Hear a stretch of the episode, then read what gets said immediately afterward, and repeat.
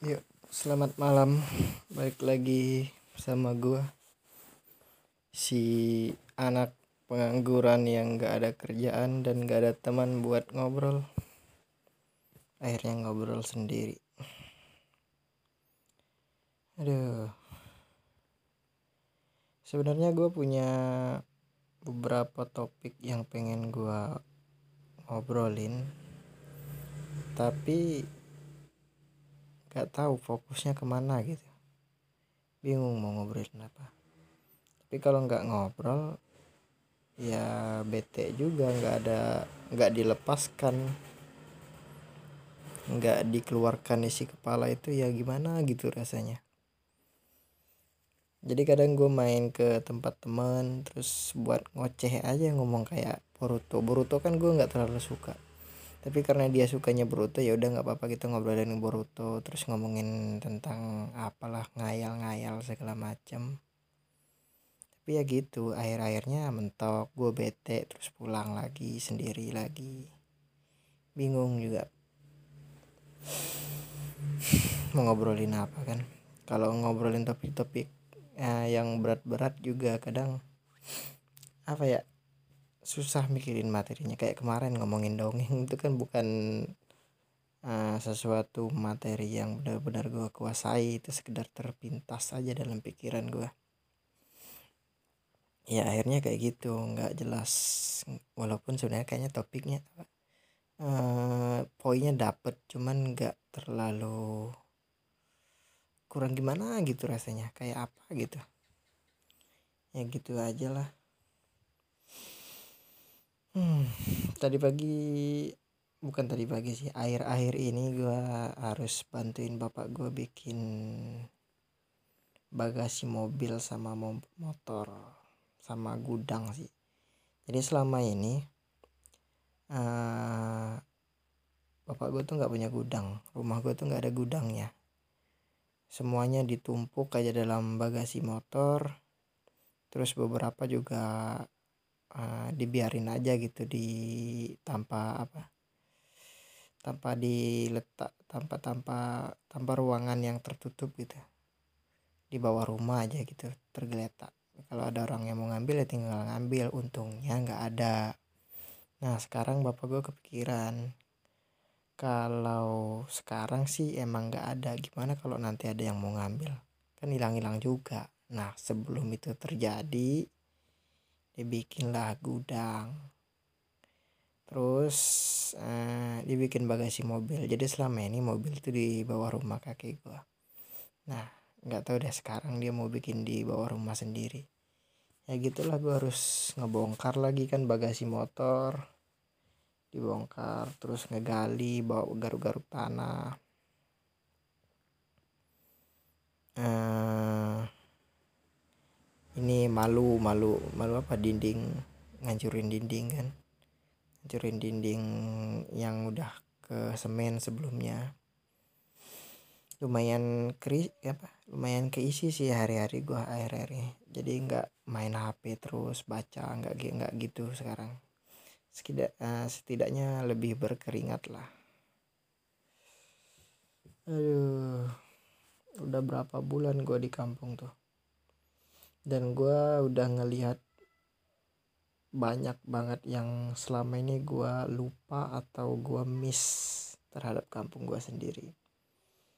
Jadi selama ini kan gue hidupnya di kampung orang kan dari tamat SD gue mondok 7 tahun terus langsung ke Jakarta. Jadi mungkin gue tuh di kampung paling sebulan terus pulang lagi dua bulan balik lagi keluar lagi kampung kan jadi banyak hal yang gak gue tahu atau hal yang udah gak ada lagi ternyata di kampung gue yang gimana ya? Kayak kemarin tuh gue bantuin apa? Bantuin tetangga gue bongkar rumah kan. Uh, di situ uh, kekuatan masyarakat desa itu kan dia gotong royong segar sebal gotong royong. Mungkin kalau teman kalau kalian sering nonton TV itu kan ada tuh di satu daerah angkat rumah rame-rame.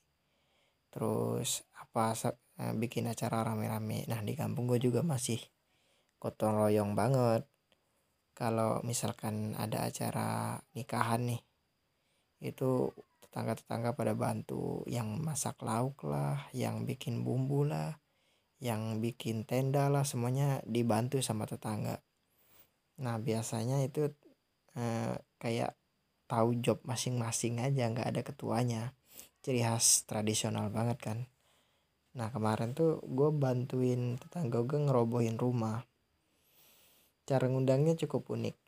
Jadi di acara yasinan RT terus dia ngundang udah diundang gitu aja. Kalau ada kesempatan ya bantuin gitu nah si ahlul bait ini dia nyiapin apa nyiapin sarapan sama makan siang. Cuman itu aja sih sarapan sama makan siang sama minum lah minum-minum segala macam nah semuanya tuh warga bantuin tuh berbondong-bondong. Mungkin ada 50 orang kali ya.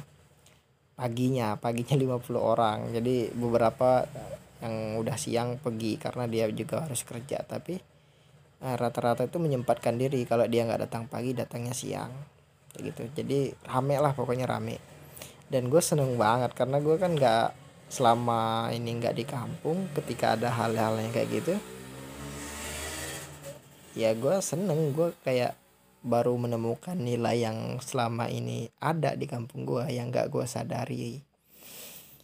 Ya waktu itu rumahnya itu cukup besar ya sekitar apa ya ukuran lebarnya itu sekitar kayaknya ada 6 meter. Lebarnya 6 terus 6 atau 7 lah. Terus panjangnya itu sekitar 15 atau 16 pokoknya lebar lah lumayan. Lumayan lebar. Dan itu selesai nggak sampai satu hari. Jadi dari ya, di, dimulai dari genteng gentengnya diturunin terus warganya baris kan baris biar nggak terlalu capek. Baris uh, terus gentengnya tuh di apa di apa sih namanya diangkat satu bukan diangkat sih dibawa kayak kayak berantai gitu. Nah kayak gitulah gua nggak tahu bahasanya kayak bawa berantai gitu terus nyampe ke tempat yang aman kira-kira aman gak ketimpa bangunan gitu.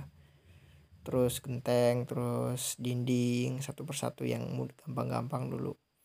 Terus ada kalau bahasa gue itu sending. Sending tuh kayak bagian dari pondasinya lah.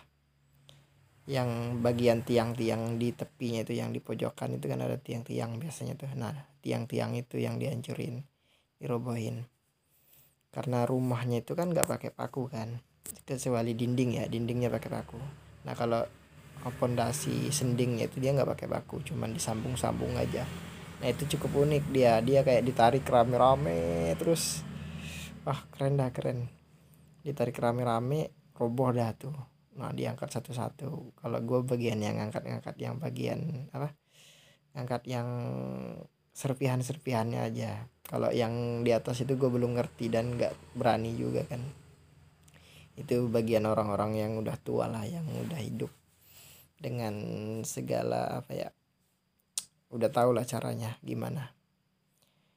Itu pada cerita tuh nih kayunya ini kayunya ini jenis papannya ini. Wah seneng banget gua. Kayak sesuatu yang baru banget. Sebenarnya itu kan udah lama ada di kampung gua. Tapi karena um, gua lama di luar jadi gua kayak wisata di kampung sendiri gitu. Nah gotong royong tuh gue kayak gimana ya sama orang kampung gue tuh? Senang banget gue ngelihatnya terus sebelumnya juga ada yang meninggal tuh. Pas meninggal tuh ya udah ahlul baitnya cuman ngatur-ngatur aja. Semua warga itu udah gotong royong bikin tenda segala macem dan itu enggak ini kan tendanya kan emang tenda masyarakat. Jadi um, ada tenda yang dibeli untuk keperluan masyarakat. Dan nggak ada biayanya kalau mau pakai cuman untuk perawatan aja. Gue nggak tahu kayaknya nggak ada biayanya juga deh. Kalau rusak baru diganti ya kayak gitu-gitu aja. Tapi emang selalu kayak gitu dapat kabar ada yang meninggal tuh langsung tuh warga langsung bawain tenda langsung dibangun. Terus disiapin segala macamnya papan-papannya udah disiapin semuanya itu udah. Siap siap tanggap lah gitu sama keadaan sosial. Nah itu bagusnya masyarakat yang kekuatan komunalnya ada gitu. Karena kemarin tuh gue nonton apa ya? Nonton yang financial planning planning. Nah di situ dia ngasih ini ngasih indikasi bahwasanya masyarakat Indonesia itu tanggung jawabnya lemah. Uh, lemah tanggung jawab tapi keinginan tinggi egoismenya tinggi. Jadi kayak orang-orang yang mau nikah dia tanggung jawabnya lemah tapi keinginan untuk nikah mewahnya itu tinggi akhirnya dia ngutang nah karena tanggung jawabnya lemah utangnya keteteran dia nggak sadar bahwasanya kemampuan finansialnya nggak mencukupi untuk nikah semewah tersebut gitu. Nah, kalau masyarakat komunal dia nggak apa-apa uh, kalau dia punya tanggung jawab yang lemah karena masyarakat komunal itu dia saling membantu. Dia ngasih contoh lagi. Ada satu orang kawan dia yang ada di sekitar Jawa Timur. Dia mau bangun rumah terus kemudian mendatangi temannya untuk minta duit buat um, membangun rumah dia. Jadi kayak ada satu kelompok masyarakat yang saling ngebantu gitu. Kalau si, si ini bikin rumah dia ngasih bantu dia ngebantu. Kalau si Anu bikin rumah dia ngebantu. Kalau dia bikin rumah yang lain juga ngebantu. Jadi ketika dia ngebangun rumah uh, dia nggak perlu mengeluarkan uang yang banyak. Nah ini ke, dia emang tanggung jawabnya lemah. Tapi ketika dia pengen bangun, uh, membangun rumah yang mewah yang sebenarnya dia sendiri nggak sanggup membangun itu tapi dia terbantukan oleh kamu ini oleh masyarakat yang lain masyarakat yang ada di lingkungan tersebut. Nah ini tuh juga terjadi di kampung gua. Ada kayak uh, persatuan pernikahan di mana orang tuh patungan. Misalkan ada kerbau nih patungan buat beli kerbau terus patungan beli beras sampai beli micin pun ada dananya buat yang ini ya. Iurannya ada dari warga. Jadi ketika dia menikah dia hanya mengeluarkan beberapa juta beberapa juta aja. Jadi sisanya ditanggung oleh warga. Nah ini bagusnya masyarakat komunal kalau dia mempunyai tanggung jawab yang rendah. Wah keren dah. Masyarakat kampung gua tuh ya sebenarnya kayaknya tanggung jawabnya rendah. Tapi karena ada kekuatan komunal itu jadi ya biasa-biasa aja. Dia nggak terbebankan sama apa ya nggak terbebankan sama biaya-biaya yang tinggi di mana kalau dia seandainya dia nggak komunal kehidupannya si orang ini nggak akan apa ya dia akan mengeluarkan biaya yang lebih untuk menghancurkan rumah tadi misalkan. Atau mau buat nikah nih biayanya akan lebih tinggi yang perlu dikeluarkannya. Itu bagusnya di masyarakat komunal tuh dan orang-orang desa di Indonesia tuh banyak banget yang mempraktekkan itu. Keren dah. Jadi kayak gue tuh kayak anjir anjir anjir ini keren banget nih anjir banget keren gitu cuy. Banyak deh hal-hal yang baru. Itu salah satunya ya uh, gotong royongnya. Terus yang gue ngerasa uniknya lagi tuh uh, sebenarnya gue udah lama menyadari cuman akhir-akhir ini gue semakin tersadari yaitu cara ini cara cara berternaknya. Cara berternaknya itu cukup unik. Uh, misalkan ternak sapi nih ternak jawi kalau orang kampung gue nyebutnya. Jawi itu jarang banget orang yang membuat kandang untuk eh, sapinya. Ada cuman di daerah-daerah tertentu aja tapi rata-rata sapinya itu dilepas dibiarkan begitu aja dan sapinya liar.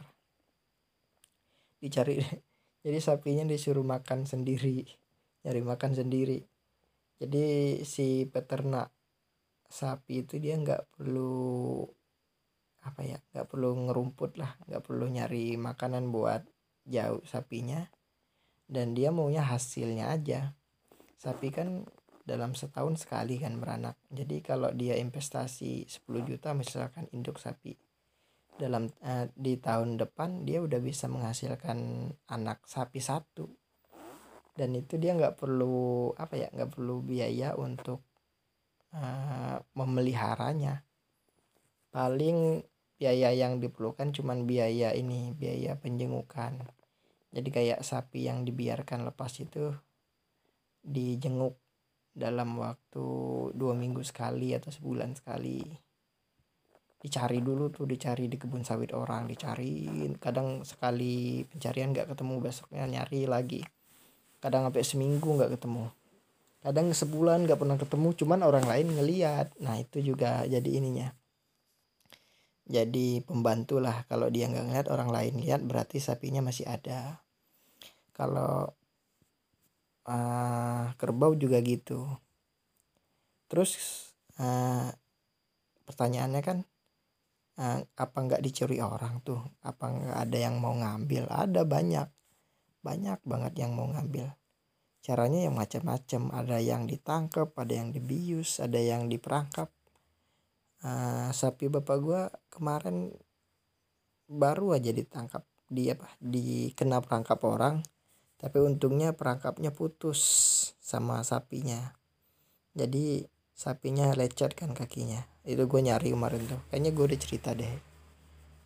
Uh, di rekaman yang sebelumnya itu.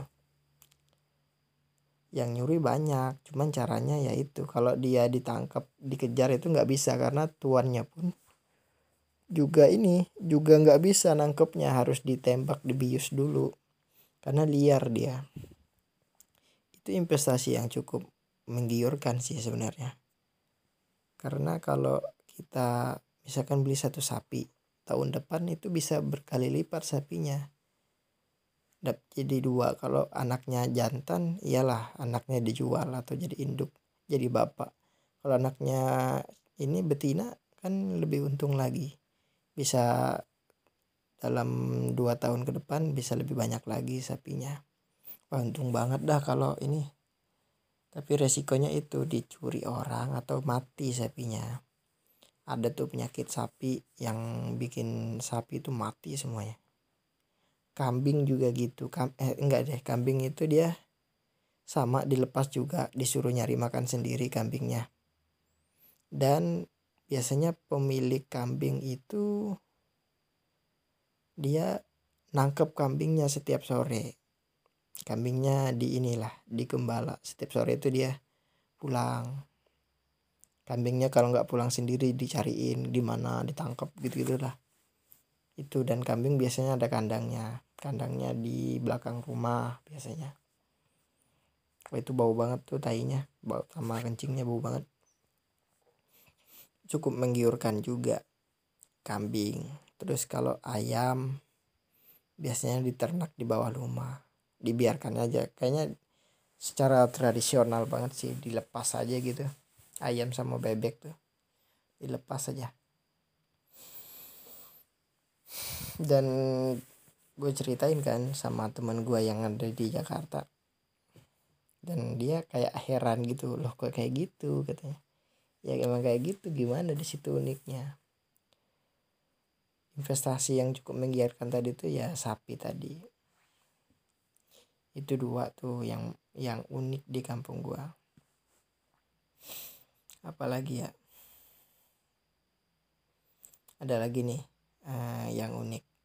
Itu ini uh, reinkarnasi. Orang kampung gue tuh dia percaya sama reinkarnasi. Itu ada bahasanya sendiri lah kok. Biasanya kan kalau orang yang percaya percaya aja dia nggak ada bahasa lokalnya. Kayak apa ya?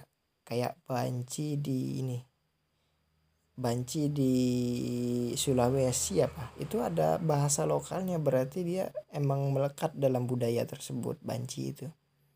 Nah reinkarnasi ini juga gitu. Ada bahasa sendirinya dari kampung gua namanya ngundu.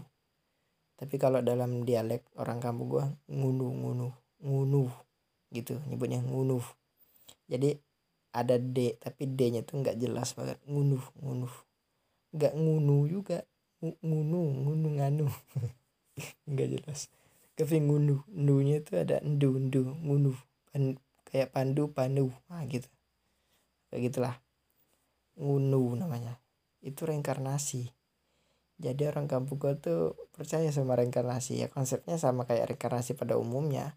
Ketika si orang itu mati terus dia jadi ikan atau jadi kambing jadi apalah terus kambingnya itu dimakan sama orang tuanya lahirlah si anak ini.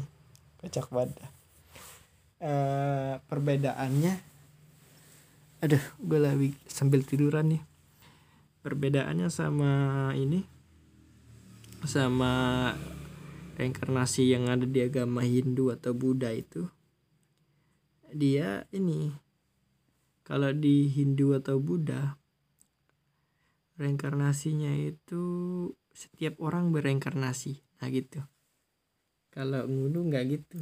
Ngunu itu ada kasus-kasus tertentu aja di mana seseorang ini dipercaya dia ngunu. Dia itu bereinkarnasi dari kehidupan masa lalunya ke masa sekarang. Terus nggak ada alasan juga misalkan kayak untuk memperbaiki kesalahan masa lalu misalkan. Nggak gitu juga. Dan kasusnya ada dipercaya orang-orang yang ngunu itu ada kasusnya. Kayak di tetangga gua tetangga gue itu ada. Rumahnya dari gue itu cuman berjarak tiga rumah. Dia rumah keempat dari rumah gua. Kalau dulu sih cuman ya gitulah rumah keempat. Dan dia dipercaya ngunduh salah satu eh, ini warga di kampung gua yang udah meninggal. Dulu itu dia sering main di depan rumah gua tuh dulu katanya gitu. Temennya ini temennya abang temen gua. Kayak gitu. Gitu dia ngunduh tuh unik banget dah.